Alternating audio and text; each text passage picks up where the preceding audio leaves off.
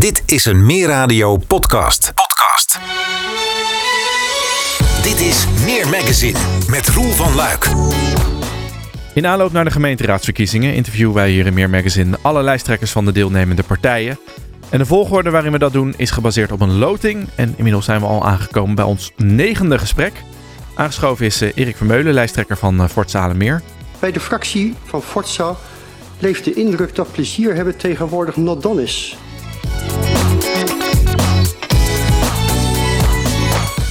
Meneer Vermeulen, welkom in de studio. Dankjewel, uh, Roel.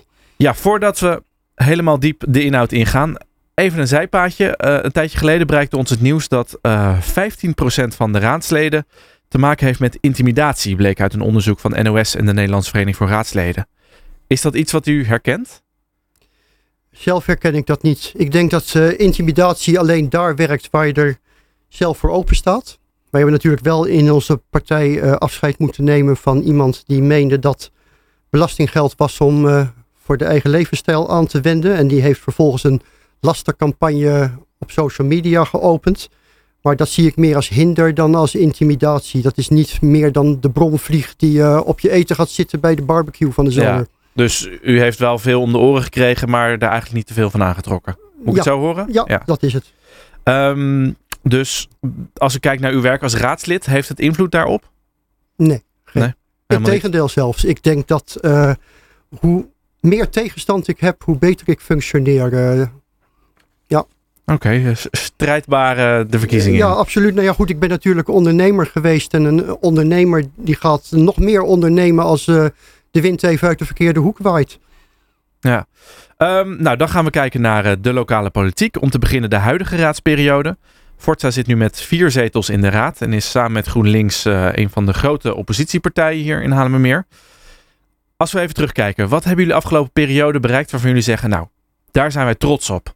Nou, laat ik dan beginnen met te zeggen dat de gemeenteraad van Haarlemmermeer meer een soort babbelclub is dan een democratisch orgaan wat het zou moeten zijn. Wethouders verdedigen het beleid wat gemaakt wordt door de ambtenaren en de coalitiepartijen vinden hun positie van de wethouder belangrijker dan de invloed van het beleid op onze inwoners. Althans, dat is mijn mening. Toch is er één ding waar we wel trots op zijn. Uh, een van mijn eerste bijdragen ging over financiële ra rapportage. En wat mij opviel is dat wij totaal geen beetbare doelen stellen in deze gemeente. En eigenlijk aan de hand van wat ik toen aan de kaak heb gesteld, zijn we nu zover dat we wel gaan werken aan uh, meetbare doelen. Mm -hmm. Dus dat we als, als je iets wil bereiken, dat je gaat vertellen waar je dan wil eindigen aan het einde van de rit. En als je daar dan geld aan uitgeeft, dan ga je ook kijken of dat geld daar goed aan besteed is. Want wat we nu doen is eigenlijk uh, schieten met hagel op een muis die we niet zien. En ook niet controleren of we hem geraakt hebben. Ja. Dus ik heb het gevoel dat er heel veel geld over de balk wordt gesmeten. En dat we met deze manier uh, daar meetbaar wat aan kunnen doen. Want als je geld over de balk smijt, dan heb ik liever dat dat in de zakken blijft van onze inwoners. Want dat zijn tenslotte de mensen die de belastingpot vullen. Ja, maar u zegt dus eigenlijk, uh, de raad is een babbelclub. Uh, doet misschien het werk niet zoals het zou moeten? Dat is, dat is een cultuur die hier door de jaren heen is gegroeid. We praten over allemaal dingen, maar al die beleidsstukken. De raad hoort kaders te stellen. Vervolgens hoort het college dat om te zetten in beleid. En ambtenaren horen het uit te voeren. Maar hier gebeuren alle drie die taken binnen het ambtelijke apparaat. Ja. Maar wat hebben jullie gedaan om dat te proberen te doorbreken? Nou ja, dat is iets waar, waarbij je doorlopend in gesprek bent met de andere partijen. En dat is iets. Kijk, een cultuur ontstaat niet van de ene op de andere dag. En als je dat terugdraait, is ook niet van de ene op de andere dag. Dus ik vind van heel groot belang dat uiteindelijk we met alle partijen die in de raad zitten onze rol terug gaan pakken. En ik merk dat heel veel mensen daar moeite mee hebben. Ja. Um, dit gaat heel erg over het proces. Als we kijken uh, naar de besluiten die er genomen zijn. Zijn de afgelopen periode uh, ja, besluiten genomen waar jullie het echt niet mee eens zijn. En die misschien het liefst wel uh, gewoon weer teruggedraaid moeten worden? Nou ja, ik denk dat wat we nu meemaken, de uitrol van het gescheiden afval ophalen. Ik denk dat dat de grootste fout is die we maken. Rotterdam, Leiden, Amsterdam, Utrecht bijvoorbeeld. Die zijn er allemaal al van teruggekomen. Het werkt niet. En de gemeente Haarlemmermeren, dat is eigenlijk net als een kind die van zijn fiets moet vallen. Nadat mama al zo heeft gewaarschuwd van doe het nou niet. En ik liep gisteren bijvoorbeeld, uh, we zijn flyers aan het uitdelen. Ik liep in Badhoevedorp en dan zie je allemaal tuinen helemaal vol staan met vuilnisbakken. Sommige zelfs half voor de deur, omdat er gewoon geen plek meer voor, voor is. En als wij voldoende stemmen halen, is het eerste wat we doen, als we daar uh, voldoende draagvlak voor hebben, dan is het terugdraaien van het gescheiden afval ophalen. En dat gewoon keurig netjes, zoals we het altijd deden, elke 14 dagen die afvalemmer leeg. En het scheiden doen we dan bij de afvalverwerker. Ja. Um, even kijken. Dan is het nu natuurlijk tijd om uh, ja, stemmen te winnen. U gaf al aan, u was in Battenverdorp uh, in het kader van de campagne. Hoe loopt die campagne tot nu toe? Nou ja, we zijn natuurlijk heel erg. We, we zijn natuurlijk, laten we beginnen. We zijn al uh, de afgelopen 3,5 jaar zijn we heel constructief bezig geweest met zelf met voorstellen komen, met plannen komen. daar halen we met regelmaat ook de lokale media mee. Dus ik ga ervan uit dat mensen weten wat we aan het doen zijn en waar we voor staan. We brengen dat nu wat extra onder de aandacht. We komen bij iedere voordeur van ieder huis in onze gemeente. We gaan met twee grote advertenties komen de aankomende week en de week erop in het HC Nieuws. Uh, we zijn op sociale media waar we even onze, onze punten onder de aandacht brengen. Ja, en dan vervolgens moeten mensen ook zeggen van ja, Forza, dat is nou de partij die niet gaat praten, maar wel gaat aanpakken. Ja. En dat ze op, op, ons stemmen. Ja. Als we kijken naar de eerdere verkiezingen, hadden we natuurlijk Paul Meijer als het boegbeeld van de partij. dat is niet meer zo. Nee, van Paul hebben we natuurlijk afscheid moeten nemen. De, die bleek gewoon al eigenlijk al tien, tien jaar lang geld in zijn zak gestoken te hebben. Ja, daar wil je niet mee geassocieerd worden. Ja, maar is dat dan toch niet iets wat wel aan de partij kleeft? Ik denk persoonlijk, Roel, als jij niet in staat bent om de bezem door je eigen partij te halen, zoals wij gedaan hebben, dan heb je in deze gemeente al helemaal niks te zoeken. Want als je het niet in je eigen partij kan, kan je het zeker niet in de gemeente. Ja. En als u in gesprek bent met inwoners, merkt u dat de verkiezingen al een beetje leven? Nee, heel veel mensen die. Uh, we lopen dan de wijken door. En gisteren was toevallig heerlijk weer. Dus er zitten al heel veel mensen lekker buiten in het zonnetje. Dan knoop je toch even een gesprek aan. En ja, heel veel mensen leven hun leven. En uh, ja, de verkiezingen die komen eraan. En ik denk dat dat best echt gaat leven in de laatste weken, de laatste paar dagen. En voor sommige mensen pas als ze in het stemhokje staan. ja, ja, ja. En als u nou met iemand spreekt, wat zijn dan de onderwerpen die u aanspreekt waarvan u zegt van nou, dat is waar wij als Forza voor staan?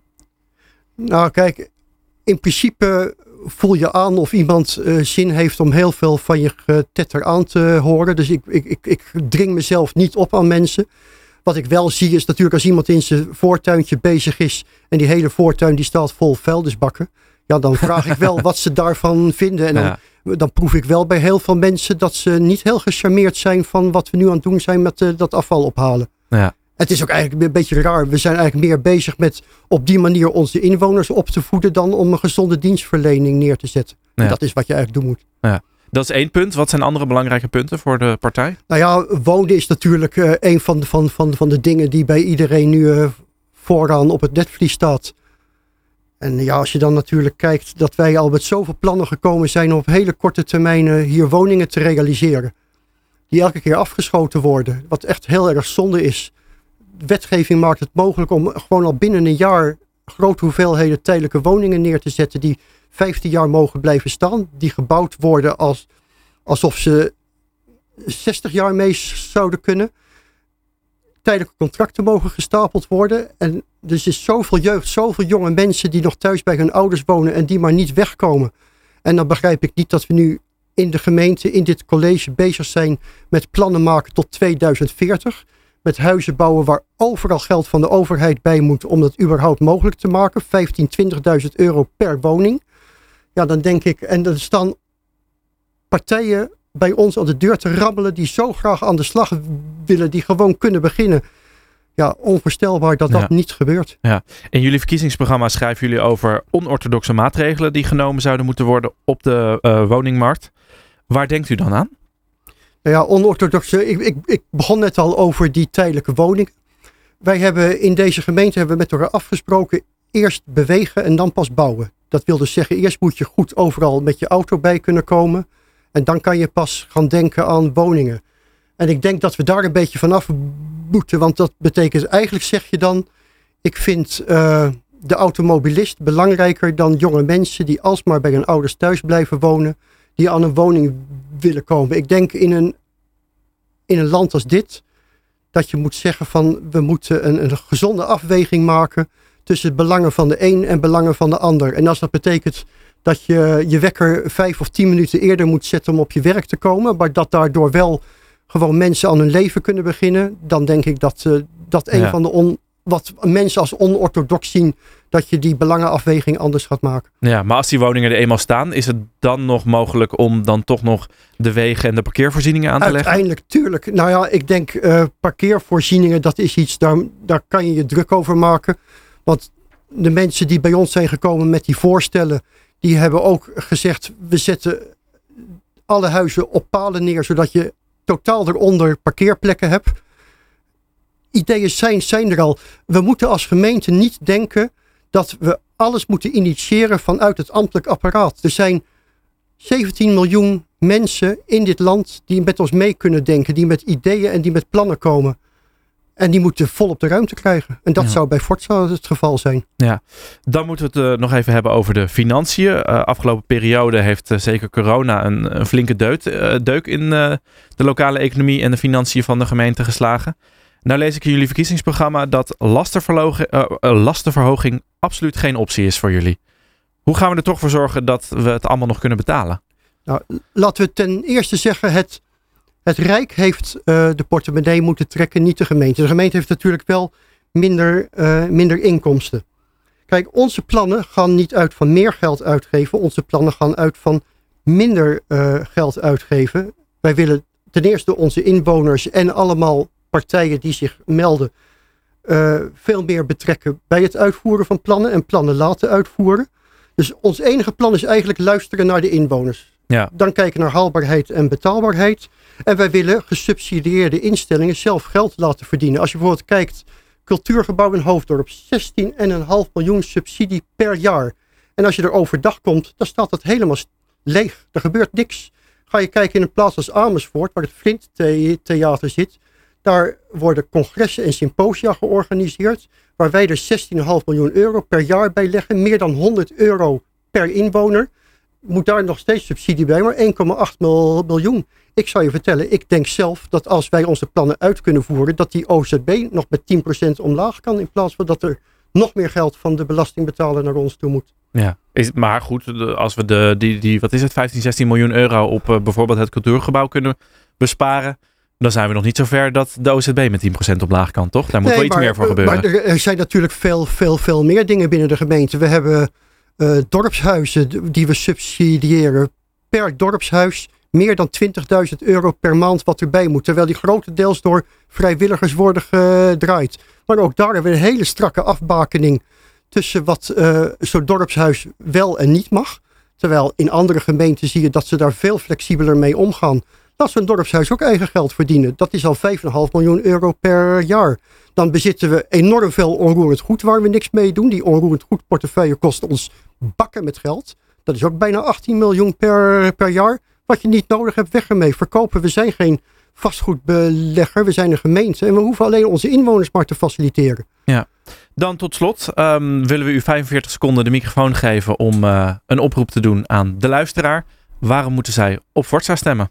Nou, het enige wat ik aan de luisteraar mee wil geven, is dat je als je altijd blijft stemmen, zoals je dat altijd deed, dan blijft alles bij het oude en dan verandert nooit wat. Dan heb je straks een polder vol met windmolens, zonnepanelen op akkerland en huizen die van het gas af moeten.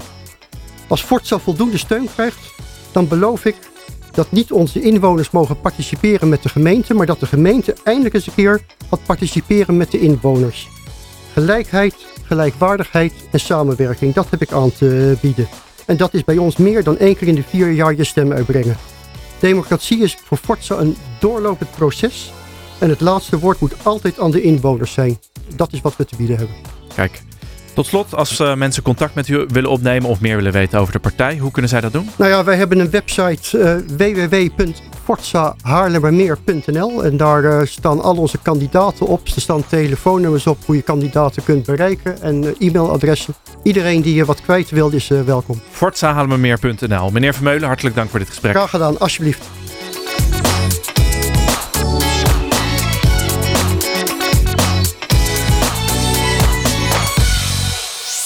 Meer magazine, meer radio, Haarlemmermeer.